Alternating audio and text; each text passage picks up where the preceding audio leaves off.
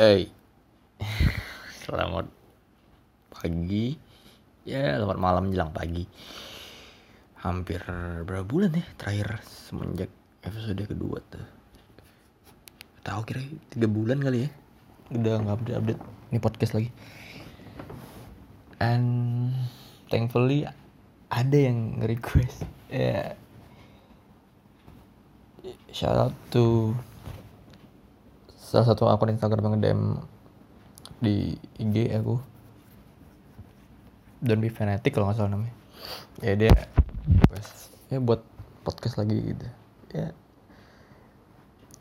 awal-awal tuh kayak kayak apa ya?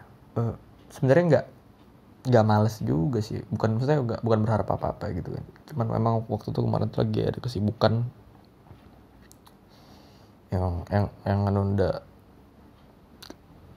ya ini buat ngelanjutin podcast ini lagi gitu. Ada beberapa kerjaan yang emang harus difokusin di situ. Eh ah berat so sibuk ya. Eh apa ya? Hmm, yang menarik. Ya uh, sekarang aku lagi coba ngefokusin di satu bisnis gitu kan. Yang ngisi waktu-waktu kekosongan aku yakin sih banyak sih di luar sana tuh yang yang nggak tahu mau ngapain gitu kan. Even dia uh, udah kerja bahkan atau mungkin yang nganggur sekalipun gitu. Karena emang situasi ini tuh ngebuat kita clueless sih. Bahkan buat mencari pekerjaan aja mungkin it's not the right time gitu. Ini bukan waktu yang tepat. Karena terlalu banyak apa ya bisa dibilang hambatan kali ya. Kita nggak bisa interview secara langsung.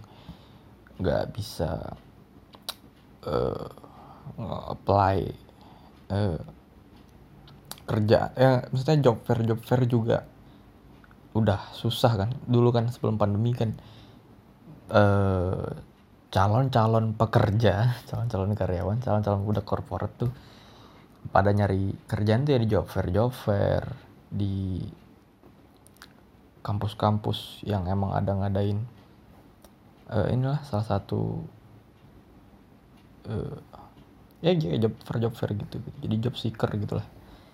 Nah sekarang kan udah gak ada jadi ya ya walaupun informasi pun untuk era sekarang nggak terbatas ya. Limitless ya hampir semua sosial media tuh pasti bisa lah gitu nyari informasi untuk pekerjaan segala macamnya. Baik di webnya baik di Instagram di mana gitu. Ya tapi tetap feelnya beda gitu dengan kita ngunjungin langsung segala macam. Nanya ke ininya salah satu uh, eh, SDM-nya gitu kan.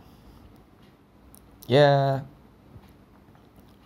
banyak lah yang emang ngebuat kita tuh dituntut lebih lebih kreatif lagi gitu kan. Kebayang gak sih interview online gitu misalnya uh, kamu dapat satu kesempatan gitu untuk interview ya yang harus dilakukan juga dengan online. Kebayang lah gitu ketika ngelakuin interview online tuh uh, lumayan banyak ini ya uh, intriknya gitu. Kayak kita harus mencoba keadaan tuh tenang mungkin gitu kan.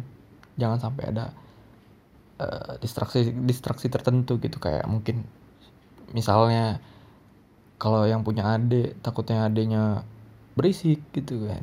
Ya benar harus nyari tempat yang safe lah. Atau mungkin takut orang tuanya manggil apa gimana. Eh sempat kejadian ke teman aku gitu jadi dia lagi interview kerja segala macem. Tiba-tiba bapaknya masuk ke kamarnya gitu kan. Dia lagi interview segala macam gitu terus dia dipanggil gitu. Bilanglah nama dia Budi gitu misalnya. Budi beliin ayah sarapan gitu. Terus, terus Budi kayak aduh. Dalam hati dia kan jadi bilang. Dia disclaimer sebelumnya dia tuh udah ngomong ke satu rumahnya gitu eh aku jam 9 nanti ada interview ya. Jangan ada yang ganggu dulu gitu atau apa gitu. Nah mungkin ayahnya ini orangnya nggak fokusan gitu atau lupa gitu. Ya udah dia santai aja gitu. Ayahnya masuk eh ternyata lagi interview gitu. Terus kayak oh lagi interview. Gitu bayang gak sih ini salah satu kesempatan terbesar si Budi gitu untuk meraih karirnya gitu tiba-tiba orang tuanya datang ayahnya datang kayak ya udah. Interview ya gitu. Ya udah. Ya gimana ya habis itu si Budinya juga ngomong eh maaf ya pak. Eh, tadi barusan ayah saya manggil. Untungnya si interviewernya santai gitu. Kayak seakan-akan mengerti lah keadaan. Ya nggak mudah lah interview online apalagi di rumah gitu dengan segala uh, peliknya suasana rumah gitu. Ya ya nggak apa-apa untungnya santai coba yang strict yang bener-bener strict gitu kan sama uh, protokol. Kebayang gitu. Ya ada banyak hal yang mungkin 10 tahun lalu mungkin atau bahkan lima tahun lalu nggak bakal terpikirkan oleh kita gitu. Semacam uh, apa ya hmm, mungkin 10 tahun lalu kita kurang familiar dengan sekolah atau kuliah online gitu kan. Mungkin adalah tapi kayak universitas terbuka gitu kan. Ya yang baru-baru ini isu terbaru ini ya itu aja sih ospek online kan yang ikat pinggang diperlihatkan. Ah sebenarnya aku malas sih bahas ini cuman ya ini lagi isu terhangat kan apa sih yang dicari coba dari ospek online gitu? Cringe nggak sih? Memarahin nggak marah ya maksudnya uh, mengintimidasi seseorang via online gitu. Kayak energi marahnya tuh energi intimidasinya itu kayaknya aneh aja gitu. Dan apa juga gitu yang diharapkan? Maksudnya apakah dengan dengan cara seperti itu mereka jadi lebih patuh toh? Nggak ketemu juga gitu kan. I, I don't know. Mungkin mereka punya si panitianya mungkin punya persepsi yang berbeda soal ini gitu. Tapi let's be honest. It really cringe. Maksudnya akan lebih baik uh, kesan pertama yang diberikan ke si calon mahasiswa uh, si mahasiswanya ini gitu mahasiswa mahasiswa barunya ini tuh dengan hal-hal yang ya friendly aja gitu. Toh nggak enak sih gitu uh, memberikan dalam tanda kutip pembelajaran mental ke mereka ya. Mereka bilang gitu kan ya, ini demi mental segala macam. Dengan cara online gitu tuh nggak tatap muka. Maksudnya ada apa ya batasan gitu kan. Ada batasan dalam ber, dalam cara kita berkomunikasi ke si si mahasiswa baru tersebut gitu. Yang di mana ngebuat si mahasiswanya juga nggak bukannya jadi merasa terintimidasi tapi lebih merasa lucu gitu. Apa apa yang dilakuin sama mereka gitu ya itu aja sih yang sedikit mengganggu aja gitu.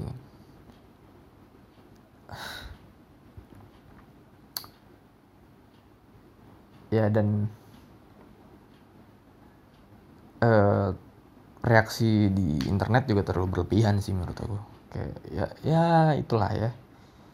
Semakin majunya internet semakin besar juga traffic yang akan dihasilkan gitu kan. Akan sesuatu hal akan sesuatu isu tertentu gitu. Ya gimana ya dibilang? Ya kolam kita makin gede aja makin gede. Terus ikan-ikannya makin banyak. Terus pancingannya juga pada canggih-canggih. Ya semuanya akan bergerak secara masif dan cepat gitu. Itu aja sih ya jadi ngebuat reaksinya tuh lebih besar gitu. Sampai mungkin katanya aku pernah denger si mbak-mbaknya yang bertahi lalat itu yang marah-marahin itu tuh sampai uh, stres gitu segala macem. Sampai ya ya ya mungkin kalau aku di posisi dia juga bakalan stres sih. Soalnya ya aku hampir bisa dibilang ngabisin waktu seharian mungkin buka Twitter gitu kan nggak kebayang kalau muka aku sendiri jadi meme. Dan yang jahatnya mungkin teman-teman aku yang gunain meme itu kan. Uh, can't imagine. Ya mungkin berat ya berat ya jadi si mbaknya itu. Dan teman-teman yang lain gitu. dan ada juga yang upacara online. Itu salah satu hal yang sedikit lucu ya menurut aku ya upacara online ya walaupun udah dalam keadaan terpaksa sih. Nggak ada juga sih nggak pengen upacara online. Itu salah satu hal yang cringe menurut aku ya upacara online. Ya eh, meskipun itu sudah menjadi SOP-nya mungkin di berbagai institusi gitu kan.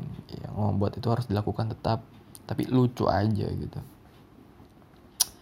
Apalagi? Hmm, hal-hal yang nggak itulah hal-hal yang nggak terpikirkan. Mungkin 10 tahun lalu ada upacara online ada ospek online gitu kan uh, ya. Secara nggak langsung bukan hanya internet yang merubah perilaku kita gitu. Tapi ya mother nature tadi itu yang mungkin ya. Ketika alam udah memberikan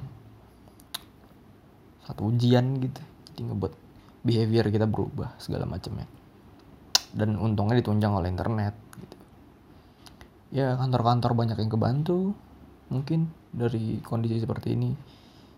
Meeting virtual segala macam kebayang coba pandemi ini tuh terjadi 20 tahun lalu gitu. 10 tahun lalu lah bilang.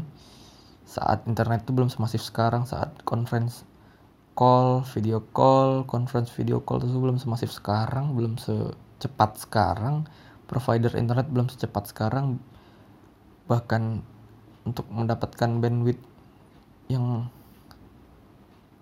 berapa? 2 mega 3 mega tuh masih berat zaman zaman dulu tuh. Bahkan sekarang yang ada sampai 100 mbps per second mungkin kan ada. Ya sebesar itu revolusinya gitu revolusi internet. Revolusi apa evolusi ya? Ya itulah. Aku nggak bisa bayangin mungkin 20 tahun atau 10 tahun lagi bakalan sebesar apa internet. Mungkinkah aku menjadi orang yang lebih kaget lagi dengan percepatan internet di 10 tahun kemudian lagi. Bahkan mungkin kita bisa menembus batasan-batasan yang nggak mungkin kita bisa tembus sebelumnya kita pikirkan. I don't know mungkin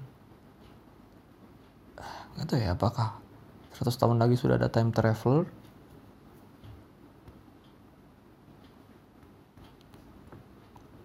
Soalnya uh, ya manusia tuh uh, kenapa kita beruntung ya? Karena kita diberikan akal pikiran tadi tuh ya yang ngebuat ide-ide yang beyond yang jauh tuh bisa kesampaian ya gara-gara si akal dan pemikiran tadi itu kan. Itulah pentingnya filsuf-filsuf pentingnya para-para pemikir membuat kita jadi punya kerangka berpikir yang bisa melampaui hal yang belum terjadi ya misalnya. Mungkin dulu kita nggak bisa ngebayangin gimana cara menembus langit. Sekarang kejadian. Yuri Gagarin uh, siapa lagi? You name it lah. Si Neil Armstrong gitu-gitu segala macamnya bahkan Elon Musk punya rencana misi project ngebangun apa gitu yang di luar angkasa segala macam aku lupa apa tuh. Bayangin itu gak mungkin ada kalau tidak ada filsuf-filsuf atau so, uh, orang-orang yang berpikir gitu secara filosofis. Eh filsafat filsafat segala macamnya itu yang terlalu ngerti ya. Kalau mereka nggak ada mungkin nggak akan terjadi gitu pemikiran-pemikiran yang beyond seperti tadi itu. Makanya bahkan untuk mencapai uh, bahkan untuk tiga atau dua tahun lagi tuh uh, kemajuan teknologi itu nggak terprediksi sih. Maksudnya kecepatannya tuh nggak terprediksi sih. Bisa sampai sejauh apa gitu. Bayangin nggak? Lima tahun lalu kita nggak kepikiran punya tiga kamera di handphone. Sekarang anjing dibuat di iPhone tiga kamera. Aneh gak sih maksudnya? Udah sejauh itu gitu. Jangan-jangan ntar kamera DSLR jadi handphone gitu kan. Atau mungkin udah kejadian gitu nggak tahu juga ya kamera kamera kamera yang pocket gitu tuh sebenarnya ada yang emang kamera tapi dia bisa jadi handphone juga gitu macam. Saking apa ya kita nggak bisa ngebedain lagi mana fungsi handphone dan mana fungsi kamera sesungguhnya gitu. Saking udah saling berkaitan gitu saling menyatu gitu. Bahkan kita bisa buat film dari handphone bahkan ada banyak orang yang membuat video YouTube dari handphone. Dan mungkin bisa jadi kualitasnya sama. Nggak sama sih tapi bisa mengimbangi lah paling tidak dengan kualitas kamera-kamera yang profesional gitu. Terus ya apa ya kondisi perfilman ya mungkin ya terutama di Indo ya. Lagi lesu lah ya mungkin. Ya mungkin ada tapi ya nampilnya di OTT OTT kan kayak Netflix, Disney, Hotstar segala macam yang baru-baru keluar nih. Video gitu-gitu. Tapi terus terang ya, eh, I really miss ya bioskop ya. Dulu tuh ada namanya promo tuh zaman-zaman 2010-an, 2011-an mungkin ya. Nomad nonton hemat. Mungkin nggak tahu ya mungkin sampai 2019 atau 2020 terakhir ini masih ada mungkin tapi aku masih ngerasain tuh yang namanya nomad nomad nonton hemat. 15 ribu kalau nggak salah tuh tiketnya hari Senin. Begitu apa ya, zaman waktu itu aku tuh nonton hemat tuh masih sangat berharga gitu ya. Hari Senin nonton 15 ribu tuh apalagi masih sekolah kan. Uh, jajan terbatas gitu. Jadi kayak wah kesempatan sekali nih ada nomad-nomad seperti ini karena zaman itu kan belum ada OTT OTT yang kita bisa berlangganan sebulan lima puluh ribu kan kalau sekarang. Yang dan filmnya sangat sangat beragam pilihannya. Mau horror action drama movie yang uh, gore sekalipun. Nah zaman itu tuh belas ribu nomad uh, aku inget tuh dulu tuh nontonnya sama temen. Rame-rame. Uh, kita tuh kalau nggak naik angkot naik beca gitu dari sekolah pulang sekolah tuh kalau nggak hari senin tuh. Kalau nggak salah senin senin atau kamis sih gitu senin kalau nggak salah. Pulang sekolah kita cabut les demi nonton film gitu. Yeah. uh, ya kasihan sih kasihan sih. Hmm, gimana ya? Meng, ah, aku pernah mengutip ada beberapa pernyataan dari aku lupa siapa yang ngomong. Uh, hidup itu uh, indah kalau ada seni gitu jadi tuh hidup tuh lebih berwarna lagi kalau ada seni. Bayangin gimana para para raja zaman dulu kalau emang seni itu nggak ada. Sampai dulu tuh uh, raja-raja tuh sampai ngundang badut kerajaan gitu kan buat menghibur seorang raja segala macamnya. Ya itu yang ngebuat hidup jadi lebih indah gitu kan. Bahkan seorang raja aja butuh hiburan segala macam. Jadi sama kayak kita sekarang kita kekurangan bisa bilang kekurangan hiburan gitu kan nggak ada nggak ada gigs nggak ada konser-konser nggak ada bioskop belum buka gitu. Ya kebantu mungkin sama OTT OTT kayak Netflix dan segala macamnya. Tapi emang nggak bisa dibohongin sih. Interaksi langsung tetap muka langsung tuh emang gak ada duanya. Nggak nggak ada yang bisa ngalahin aura positifnya nggak ada yang bisa ngalahin energinya. Nggak ada yang bisa ngalahin crowd si antara si performer sama si penonton. Ya. Dan ini juga nggak nggak nggak tahu kan bagaimana endingnya gitu. Apakah mungkin di tahun depan udah normal lagi juga belum tentu. Ya yeah, hopefully secepatnya sih. Ya walaupun kedengarannya klise kan secepatnya bakalan baik-baik aja bla bla bla tapi emang bener. Atau ya apakah ada orang di belahan bumi bagian mana gitu yang berharap ini tuh tetap ya pandemi ini harus tetap sampai tiga tahun lagi empat tahun lagi ya, demi mencapai misi-misiku tertentu gitu. Ya nggak tahu ya nggak tahu ya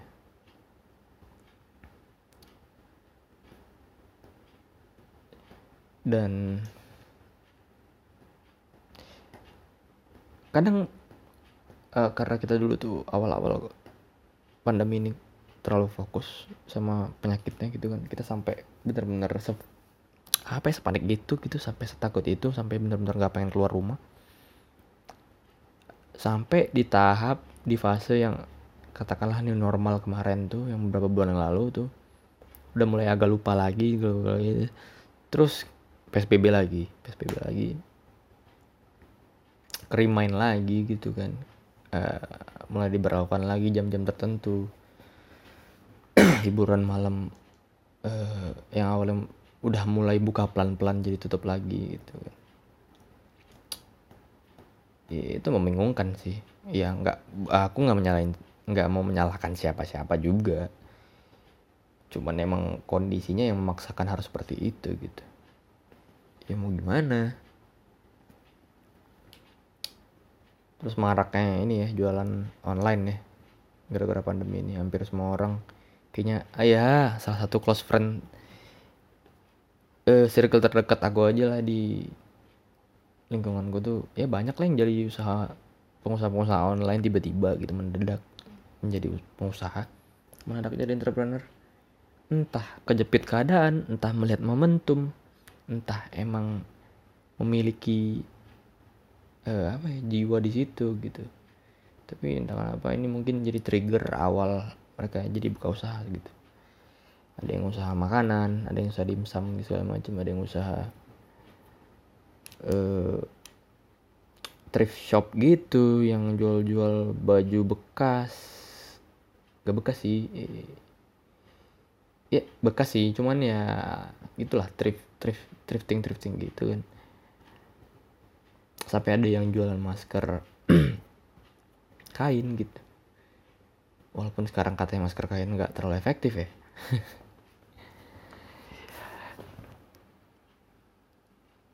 Gini keadaan 2020 gitu. Sefakta itu gitu. Tapi kita mulai dari si yang mana dulu nih gitu. Kita mulai dari sisi baiknya kita mulai dari sisi buruknya. Depends on you gitu. Kalau sisi ba sisi baiknya sih apa ya ada banyak hal baru yang bisa dieksplor ada banyak hal ada banyak potensi bisnis yang bisa digali.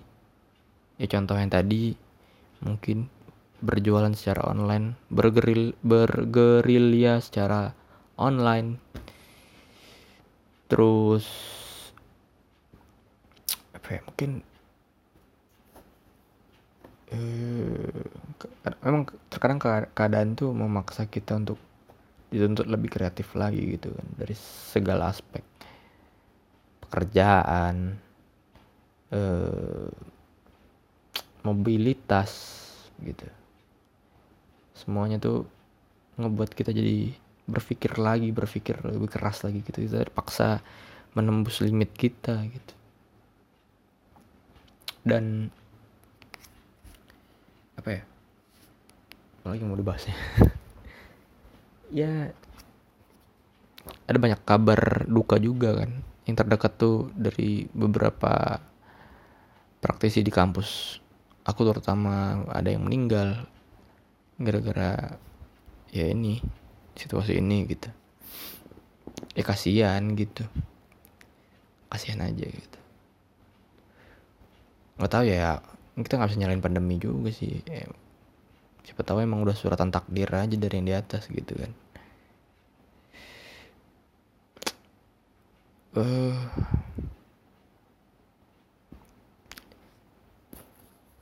ribu dua puluh tuh kalau mau di recap tuh kayak kerasa panjang banget. Kayak, kayak aku ngerasa itu 2020 tuh Januari doang Januari sama Februari doang.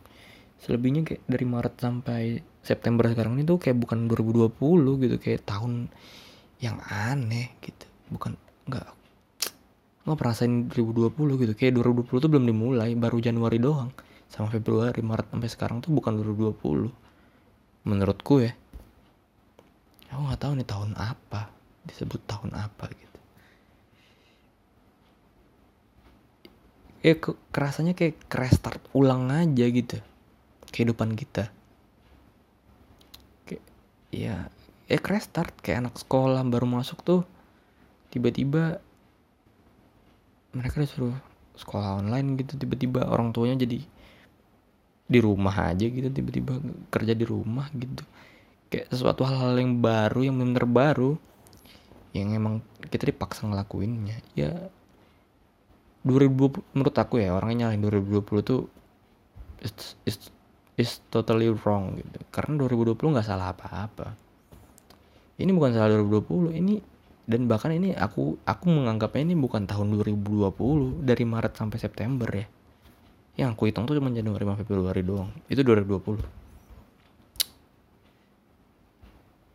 mari kita merenung tahun apakah Maret sampai September tahun ini? Kita sebut tahun apa? Ya kita kembalikan kepada anda masing-masing. So I'm signing out